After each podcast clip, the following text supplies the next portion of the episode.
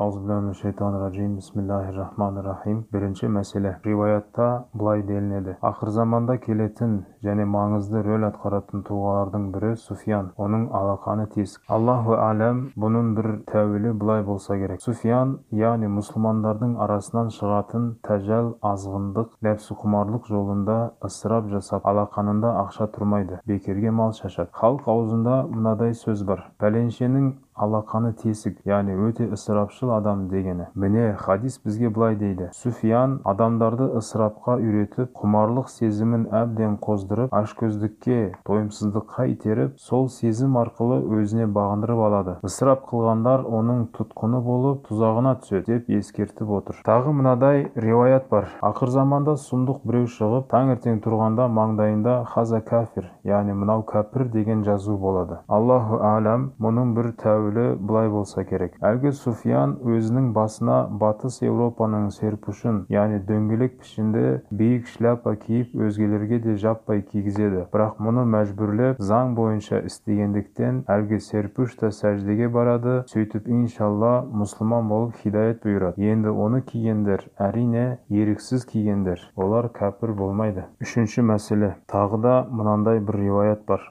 Ақырзаманның өктемшіл де озбыр басшыларының әсіресе дәджалдың жалған жұмағы мен тозағы болады аллаху әлем мұның бір тәуілі былай болса керек. Ол дәджал билік құрған елде бір біріне қарама қарсы орналасқан әрі өзара жақын қапасхана мен лицей яғни абақты мен мектептер болады. Оның бірі жәннаттағы хор қыздар мен жәннат жігіттерін тақылеттес көшірмесі де екіншісі азап орны зындан түріндегі түрмеге ишара. Төртінші мәселе. Мынандай бір риуаят бар. Ақыр заманда аллах аллах дейтіндер жоғалады. Ғайыпты тек аллах біледі дегенмен мұның бір тәуілі былай болса керек. Ля иллаллах аллах аллах аллах деп зікір салатын мешіттер медреселер зікірханалар мен забиялар жабылады азан қамат сынды ислами әдеттің орнына және аллах сөзінің орнына басқа есім аталады деген сөз. Әйтпесе барлық адам жаппай кәпір болып діннен безет деген емес. Өйткені құдайды жоққа шығару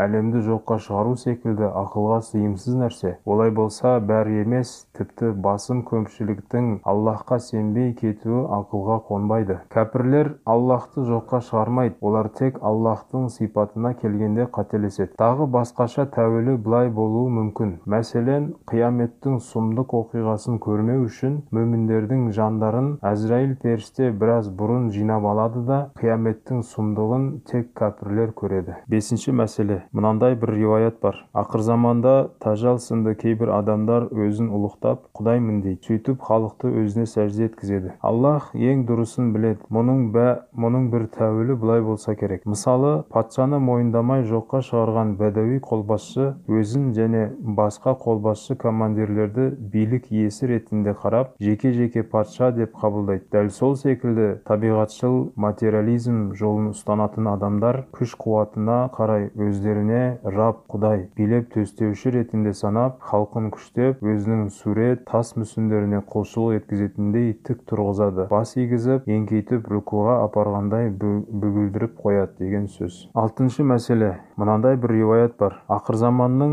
фитне бүлігі сұмдық болатыны сонша ешкім нәпсісіне ие бола алмайды. Міне сондықтан мың үш жүз жылдан бері пайғамбарымыз алейхисалату уассаламның әмірімен күллі мұсылман сол фитне апаттан аллахқа сыйынып сақтанып келген. Қабір азабынан кейін мин фитнати даджали ва мин фитнати ахри заман деген дұғаны яғни дажжалдың фитнесінен және ақырзаман апатынан сақта деп күні түні жалбарынған. Аллах ең дұрысын біледі. Мұның бір тәуілі былай болса керек. Ол фитне бүліктер нәпсілерді өзіне тартып байлап алады. Адамдар өз еркімен тіпті қызығып құлшына кіріседі. Мәселен ресейде тырдай жалаңаш еркек әйел бірге суға түседі екен. Жалпы әйел заты жаратылысынан өзінің сұлулығын көрсетуге құмар келетіндіктен әлгі фитне бүлікке қуана-қуана жүгіреді. Сөйтіп бетімен кетіп азғындыққа қарай лағады. Ал табиғаты сұлулыққа құштар еркектер болса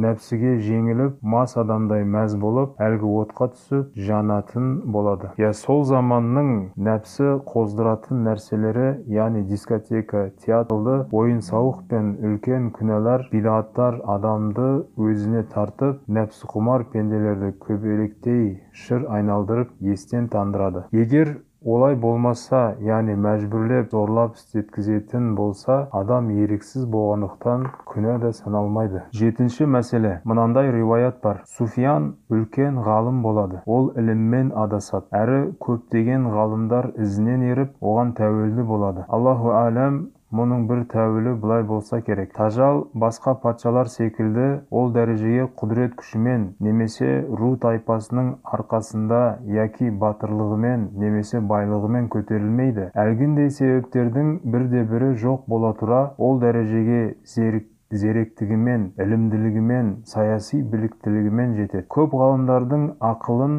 өзіне бағындырып айналасына жинап пәтуа беретін кеңесші ретінде пайдаланады. Әрі көптеген мұғалімдерді өзіне жақтас қылады діннен тыс ілімді негіз етіп жаппай елді теріс оқытады деген сөз. Сегізінші мәселе. Риуаяттар дажалдың сұмдық фитне бүлігі ислам әлемінде болатынын көрсетеді. Сондықтан бүкіл үммет қорқып аллахқа сыйынған. Яламул ғайба иллаллах мұның бір жорымы мынандай. Ислам әлемінен шығатын дажжал бөлек тіпті ол туралы кейбір зерттеушілер хазіреті алидың радиаллаху анхын дегеніндей былай деген. Олардың тажалы суфиян ол мұсылмандардың ішінен шығады. Ол өте қу адамдарды алдап соғады. Ал кәпірлердің тажалы бөлек ол дәу тажал. Оның өктемшіл зорлық зомбылығына көнбей қарсы шығып өліп кеткендер шахид болады және еріксіз мойынсұнған адамдар кәпір саналмайды тіпті күнәһар да болмайды. Тоғызыншы мәселе. Риуаяттарда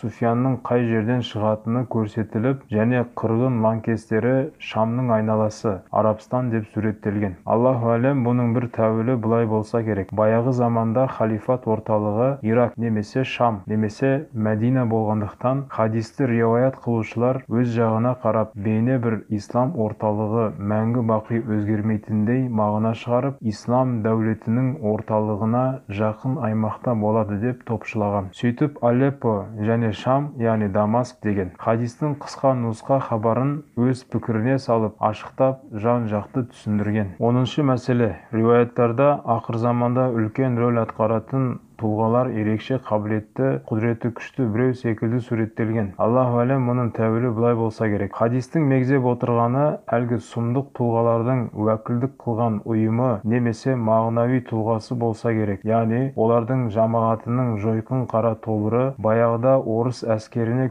әскеріне күйрете соққы берген жапон қолбасшысының суреті бір аяғы тынық мұхитта бір аяғы порт артур қаласында тұрған бейнеде салынған болатын. Яғни айбынды әскерінің мағынауи алып тұлғасы өзінің кішкене бойлы пішінінде бейнеленді. Ал тажалдың таңғажайып жойқын күш құдіретіне келер болсақ олардың жалпы іс-қимылы бұзып қирату нәпсіқұмарлық болғандықтан сырттай құдіреті күшті болып көрінеді. Себебі бұзу әрқашан оңай. Бір тал сіріңкемен бір ауылды өртеп жіберуге болады. Жалпы азғындыққа нәпсі тараптар болғандықтан әр тарапқа тез жайылып кетеді. Он бірінші мәселе. Риуаятта былай делінген. Ақырзаманда бір еркек қырық әйелге иелік қылады. Аллаһ ең дұрысын біледі. Мұның екі тәуілі болса керек. Біріншісі ол кезеңде шариғатқа сәйкес неке азаяды немесе ресейдегідей күшін жояды. Бір әйелге байланып тәуелді болудан қашып басы бос қалған қырық бейбақ әйелдің көңілін тауып оларға шопан болады. Екінші тәуілі сол бір бүлік көбейіп ақырзаманда болған соғыс жиілеп майданда еркектер өлетіндіктен әрі бір хикметке байланысты қыз бала көп туылатындықтан әлгіндей болуы әбден ықтимал. Мүмкін әйелді заң қолдап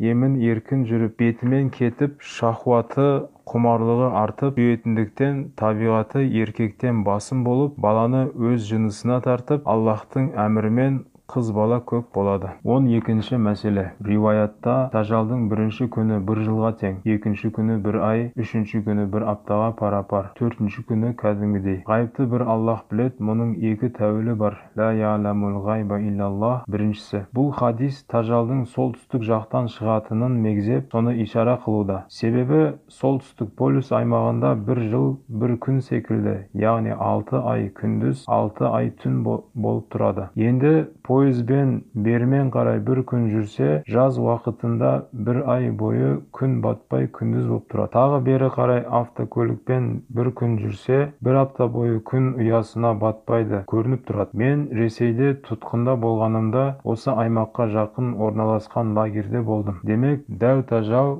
солтүстіктен шығып бері қарай шабуыл жасайтынын ардақты пайғамбарымыз саллаллаху алейхи уассалам бірнеше ғасыр бұрын хабар берген. Екінші тәуілі былай болса керек. Дәу тажалдың да ислам тажалының да диктаторлық кезеңі үш күнге созылатынын айтса керек. Бірінші күні яғни алғашқы кезеңінде орасан зор жұмыстар атқарылады. Мұны басқа уақытта жасау үшін 300 жыл керек болар. Екінші күні яғни екінші кезеңінде бір жылда 30 жыл еңбектеніп игере алмайтын қыруар жұмыстар атқарылады. Үшінші күні яғни соңғы кезеңінде баяулау тұрақтап қалады. Қолынан түк келмей тек өзін сақтанумен болады. Осылайша пайғамбарымыз саллаллаху алейхи уассалам өте шешен әрі шебер түрде үмметіне хабар беріп кеткен